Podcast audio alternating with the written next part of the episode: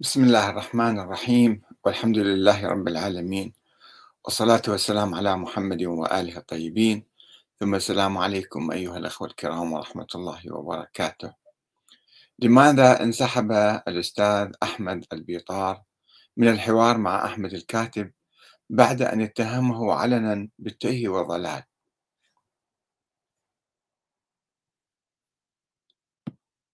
في تاريخ 26 مارس من سنة 23 آه، كتب الأخ أحمد آه، البيطار على صفحتي على الفيسبوك يقول أنا أتحداك يا أحمد الكاتب أن تصرح بهويتك الحالية.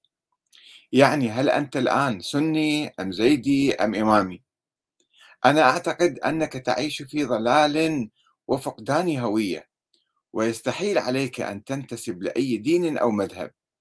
لأن المنهج الذي رسمته لا يثبت تفاصيل أي دين أو مذهب وتفاصيل كلامي سأنشرها قريبا بإذن الله. كتب هذا التعليق الأستاذ أحمد البيطار وهو آه، كما يبدو شيعي من سوريا. آه، ويعبر عن نفسه بخادم العترة. آه، أنا كنت معلق على حوار بينه وبين أحد الأخوة الزيدية يسمي ذاك الشخص نفسه الإمام الرسي. فهو شفت له يعني رد على الأخ الإمام الرسي بين قوسين وعلقت على كلامه قائلا نموذج عن الجدل العقيم بين الزيدية والإمامية بعيدا عن الواقع ومتطلبات التطور الديمقراطي. وأنقل لكم في البداية ما رأيته ملخصا في الحقيقة ألخص كلامه في الرد على المسمى آه، الرسي. يذكر الأخ الأستاذ أحمد البيطار يقول قوله افترقت الشيعة على ثلاثة عشر صنفا. لو أردنا أن نصنف وأن نخترع مذاهب لكل صاحب رأي ومقولة ولكل منافق اتجه آه، اتجاها ما لمصلحة وهوى كما فعل مصنف الفرق والملل. سعيا منهم لاستكمال ما روي من 73 فرقة. لكان من الممكن أن تصير الطوائف السنية أكثر من ألف. فقط في عصرنا هذا فالإخوان المسلمون فرقة وقد انشقت منهم عدة فرق وحزب التحرير فرقة والتكفيريون والسلفيون فرق متعددة وهكذا.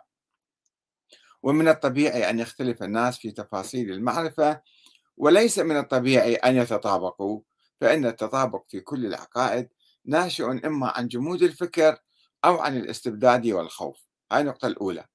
النقطة الثانية من ذكرهم إذا في غالبهم أصحاب مقالات وآراء شخصية ومنهم من انحرف طمعا في المال منهم من تم تقويله وتضخيم مقولته. يعني يبدو يتحدث عن الفرق الشيعية المختلفة اللي صاحب كتاب فرق الشيعة النوبختي يذكر حوالي 70 آه، فرقة. أن هؤلاء انحرفوا طمعا بالمال كما يقول الأخ أحمد بيطار. آه، ومنهم من قال رأيا ثم تراجع عنه. ولكن ولكن بقيت الوصمة. كل ذلك لأن الشيعة كانوا تحت ضوء التبخيس والنبذ من التيارات الشعبوية وتحت مبضع علماء السوء من النواصب. ثلاثة قصة علم الإمام من المسائل التي اختلف أو اختلفت فيها النظريات. أن الأئمة علمهم من وين كان؟ بالتعلم بالكسب أم بنزول الوحي عليهم أو بعلم اللدني من الله تعالى. يقول الأخ أحمد بيطار وجملة القول المقنع فيها أن كل نبي وإمام يعطيه الله العلم الضروري. لاحظوا كلمة الأخ هنا. يقول إن كل نبي وإمام يعطيه الله العلم الضروري فيما يتعلق بوظيفته الرسالية وهداية الناس والإشراف على تربيتهم النفسية ومسارهم الاجتماعي وغير ذلك ليس يقينيا. يعني تفاصيل أخرى. أربعة قصة زعم البعض أن القرآن لا يعرفه إلا الأئمة هي مقولة بعض الغلاة والمنحرفين وضعاف العقول. نقطة يعني لا بأس فيها جيدة. خمسة أما قضية الوراثة في سلسلة الأئمة الاثنى عشر فالقول المعروف تاريخيا عن الإمامية أن الإمامة بالنص وليس بالوراثة. ستة منه يتبين أن إمامة الطفل كالإمام الجواد عليه السلام ليس من الأمور العادية؟ بلا شك بل هو خارق للعادة. كيف طفل عمره سبع سنوات يصبح إماما مثلا؟ وهذا ما يزيد في ابتلاء الناس كما ابتلاهم ربهم بنبوة عيسى عليه السلام وهو في المهد. وبذلك يتبين أن لا فرق بين الأنبياء والأئمة من جهة العمر. الذي يريد الله فيه للحجة أن يتصدى للناس حتى لو عمره سبع سنين. ما دام كلاهما لا يتعين إلا بالنص. ومسألة اختياره وتفاصيل عمره وبعثته وسائر شؤونه بحسب الحكمة الإلهية. سبعة أما قوله أن الإمامة لمن هو خير أهل الأرض فغير مفيد. هذا قول الزيدية يعني. يقول لأن الناس أشد شيء اختلافا في تعيين من هو الفاضل ومن هو الأفضل.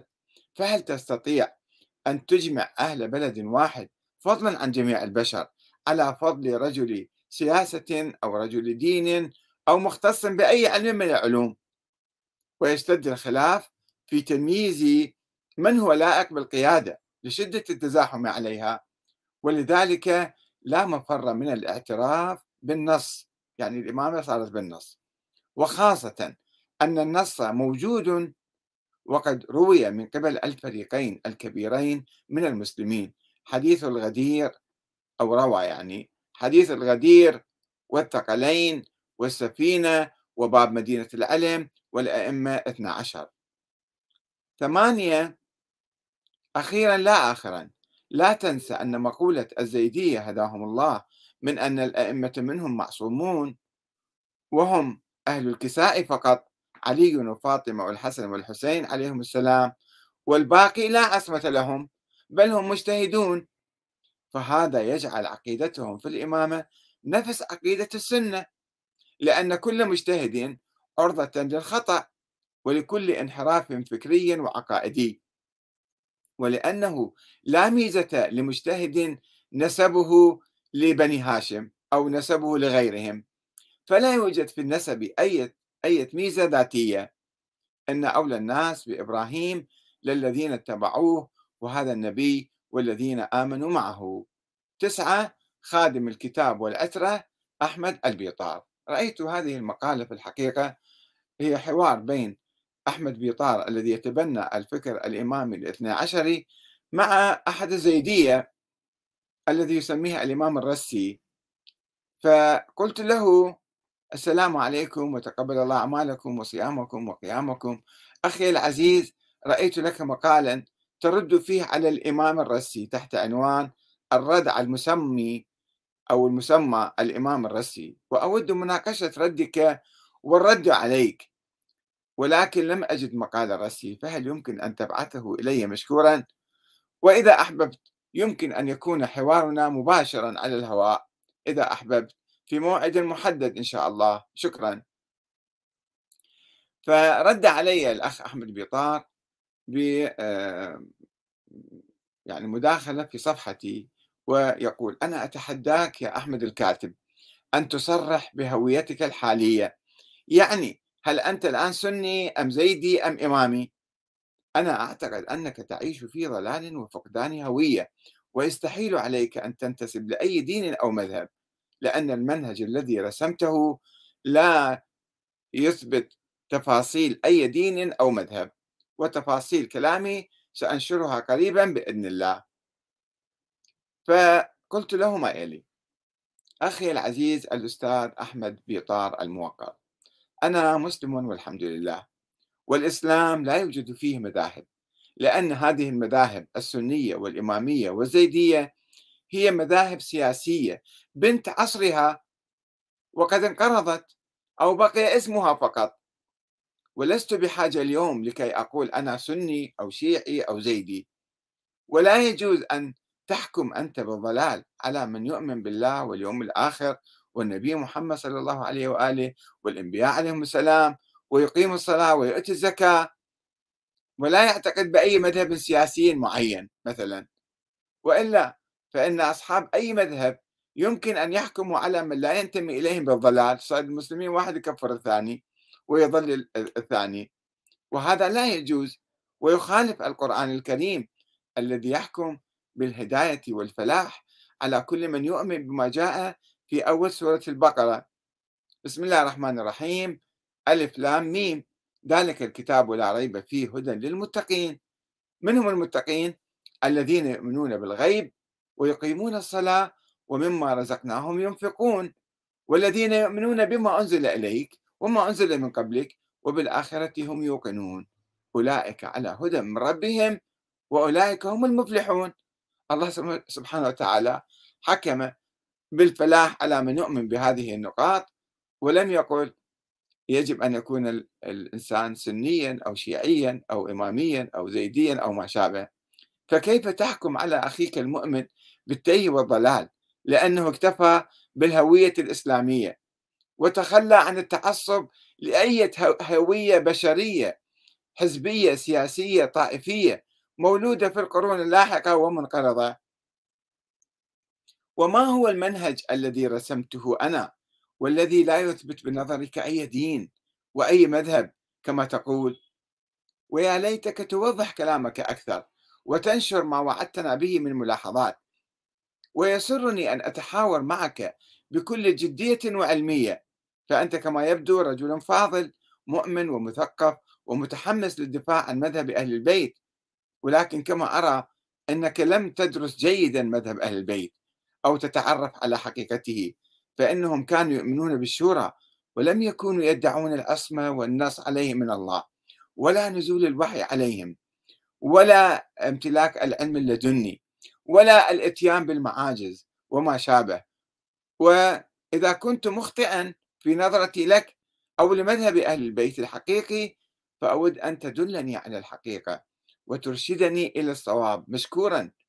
ولا حاجة للتحدي في الأمر يعني ممكن إحنا نجري حوار مباشر فيما بيناتنا ونصل إلى الحقيقة.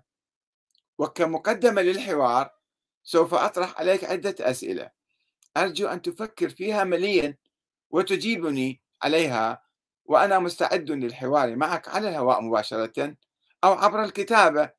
ولنترك القراء والمستمعين يحكمون علينا ويختارون الرأي الأصوب وهذه هي الأسئلة. وجهت له 12 سؤالا. قلت إلى الأستاذ أحمد بإطار المحترم. سؤال واحد. من خلال يعني آه، رده على الزيدية أنا استنبطت هذه الأسئلة وتوقفت عند بعض النقاط التي ذكرها هو بصورة آه، يعني سريعة مر عليها مرور الكرام ولم يقدم أي أدلة عليها. فأردت أن أستوضح هذه الأسئلة أو هذه النقاط وسألته هذه الأسئلة. سؤال واحد. هل الأئمة أنبياء أو شبه أنبياء بنظرك حتى يعطيهم الله العلم الضروري أو ينزل عليهم الملائكة ما هو الدليل على ذلك؟ من كتاب الله أو سنة رسوله.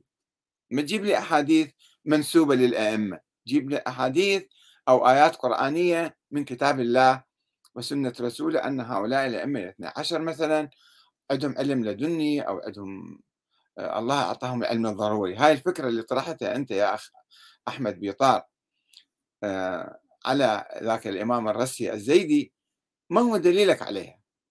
سؤال اثنين.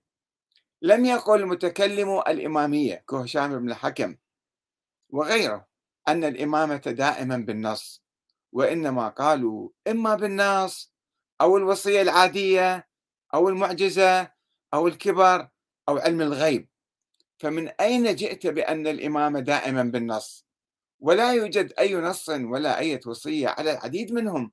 وعلى رأسهم الإمام زين العابدين الذي لم ينص عليه الإمام الحسين ولم يوصله ولم تثبت إمامته إمامته لدى الإمامية إلا بأسطورة تكلم الحجر الأسود بعد التحاكم إليه وعدم تسليم الحجر على عمه محمد بن حنفية وتسليمه على علي بن الحسين.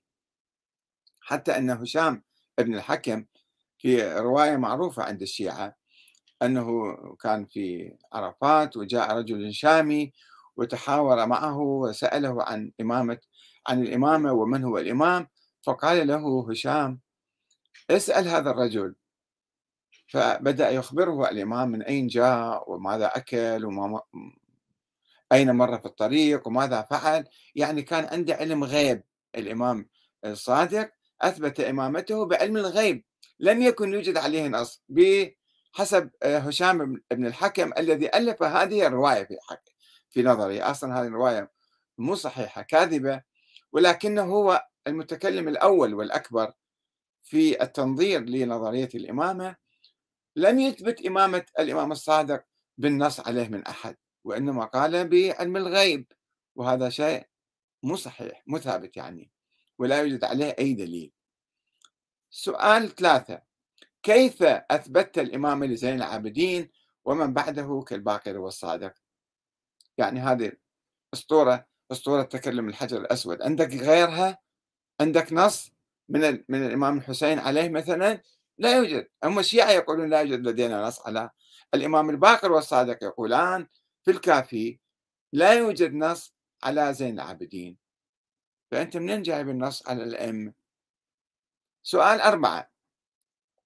لماذا اختلف شيعة الرضا حول إمامة الطفل طفل الجواد محمد الجواد عندما كان عمره سبع سنوات بعد وفاة أبيه وقد تركه في المدينة وذهب إلى خراسان. يونس بن عبد الرحمن هو الذي شيد إمامة الرضا. في مقابل الواقفية رفض الاعتراف بإمامة الجواد. قال هذا الطفل علمه من وين؟ أبوه تركه عمره ثلاث سنوات في المدينة. فكيف أصبح عالما وأصبح إماما؟ فرفض الاعتراف به. وأسس فرقة اسمها اليونسية. ولماذا عين الجواد نفسه وصيا على ابنه الهادي علي الهادي؟ هم كان عمره سبع سنوات عندما توفي الجواد. عين له وصي وقال له سلم الأموال إليه عندما يبلغ ويرشد. كأي إنسان آخر. فإذا هو كان طفل صغير غير راشد وغير قادر على التصرف بأمواله كيف يعينه الله إماما؟ ومن قال لك أن الله عينه إماما؟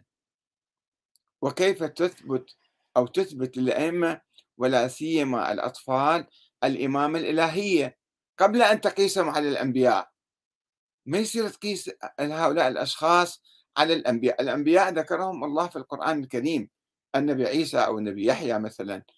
أما أنت تجي كل واحد يقول أنا مثل عيسى أنا طفل صغير أو هذا طفل صغير هذا ينزل عليه وحي والله آه، سوى له معجزة هذا كلام. أول الكلام هذا يجب أن تتأكد من ذلك يا أخي العزيز. وأين النص عليهم وعلى كل واحد منهم؟ ادرس نظرية الإمامة جيدا وسترى أنه لا توجد نصوص عليهم. سؤال خمسة. هل هذه النصوص التي ذكرتها حديث الغدير والثقلين والسفينة وباب مدينة العلم والأئمة 12 واضحة وصريحة ومتواترة وصحيحة. ما هو حديث الثقلين بالضبط؟ ومن هم الأترة؟ ولماذا اختلف الشيعة الإمامية في بينهم إلى فرق متعددة؟ لأترك أن تعني العشيرة. فإذا هذا حديث الثقلين ما يدل على إمامة أحد. وحتى الشيخ المفيد يناقش الزيدية ويقول لهم لا تتشبثوا بهذا الحديث فإنه لا يدل على شيء ويشمل حتى العباسيين وأبناء آه، العائلة الأترة كلهم يعني. سؤال ستة. هل بحثت أو درست حديث الاثنى عشر ومتى ظهر؟ ولماذا لم يعرفه الشيعة الإمامية السابقون بمختلف فرقهم ولا سيما الإسماعيليون حتى اليوم. ما عدا الاثنى عشرية الذين ولدوا في القرن الرابع الهجري. جابوه من السنة وركبوه وسووا له أحاديث مشابهة. فأنت بحاجة إلى أن تدرس هذا الحديث جيدا. سبعة أين هم الأئمة الاثنى عشر اليوم؟ يعني هذه نظرية قبل 1200 سنة كانت. نظرية الإمامة والأئمة ذولا 12 واحد. طيب وين النظرية الآن؟ إذا الله قد عينهم لقيادة الأمة الإسلامية فقط لفترة محددة أم إلى اليوم إلى يوم القيامة. فأين هم هؤلاء الأئمة؟ مع احترامنا لهم وتقديرنا لهم وحبنا وولائنا آه، لهم ولكنهم غير موجودين. فهاي نظرية ميتة نظرية منقرضة لا وجود لها اليوم. فشنو أنت قاعد تدافع عن هاي النظرية التي لا وجود لها؟ سؤال ثمانية. ما هو الدليل التاريخي على ولادة ووجود ابن الحسن العسكري محمد بن الحسن العسكري؟ حتى تعتبره تعتبره الإمام الثاني عشر. تقول صار 12 وهذا الثاني عشر. ثم تقول أنه غائب وأنه لا يزال حيا وسوف يظل حيا إلى أن يظهر في المستقبل. ما هي الأدلة على كل فقرة فقرة من هذه الفقرات؟ هذا يحتاج بحث وتفكير واجتهاد ودرس. سؤال تسعة. طيب الآن ما موجود الأئمة. الشيعة الآن يقلدون المراجع. فأنت يا أخ أحمد بيطار هل تقلد أحدا من المراجع؟ وهل هم معصومون؟ طبعا مو معصومين هم مجتهدون عاديون قد يخطئون وقد يشتبهون وقد يصيبون. فكيف تقلد إنسانا غير معصوم؟ هذا هو إمامك المعاصر اليوم. سؤال عشرة. ما رأيك بنظرية ولاية الفقيه التي لا تشترط العصمة ولا النص ولا السلالة العلوية الحسينية في الإمام. وهذه النظرية تقول باختيار الإمام من قبل الأمة عبر الشورى والانتخاب. فإذا سؤال 12 ما هو الفرق إذن بين ولاية الفقيه والشيعة المعاصرين وبين السنة الذين يقولون بالشورى منذ أول يوم؟ الآن جميعا إذن المسلمون جميعا هم يؤمنون بالشورى السنة والشيعة.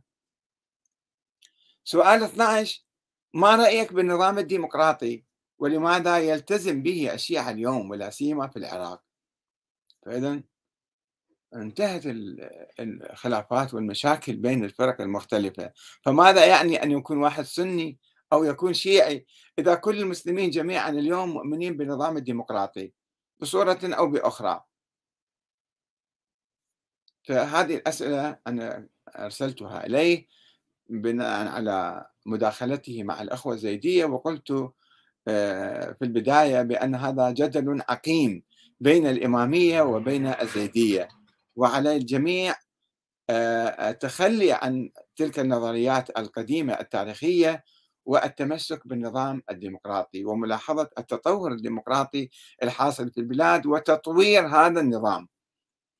وقلت للأخ أحمد البيطار أتشرف بالحوار مع رجل مؤمن ومثقف وباحث عن الحق وحل المشاكل والأزمات الطائفية الراهنة مثل حضرتك. فأجابني قائلا أنا أتحاور معكم ومع غيركم بما يسمح به الوقت وحسب ما أراه ضروريا. فأرسلت له رسالة أخرى وقلت له السلام عليكم أخي العزيز هل أنت مستعد للحوار معي؟ هل يمكن أن تجيبني على أسئلتي الآنفة؟ أم تأخذ وقتك للتفكير فيها؟ شكرا. آخر جواب من الأستاذ أحمد البيطار. قال وعليكم السلام ورحمة الله. أعتذر ما عندي وقت. وانتهى الحوار معه. وأنا أقدم هذه الأسئلة والملاحظات ويعني إلى كل إنسان أن يفكر فيها في الحقيقة ويرى أنه هل هل من الضروري الآن أن كل واحد يقول أنا مثلا مسلم سني أو مسلم شيعي أو مسلم زيدي أم نكتفي فقط في الإسلام والالتزام بالنظام الديمقراطي؟ والسلام عليكم ورحمة الله وبركاته.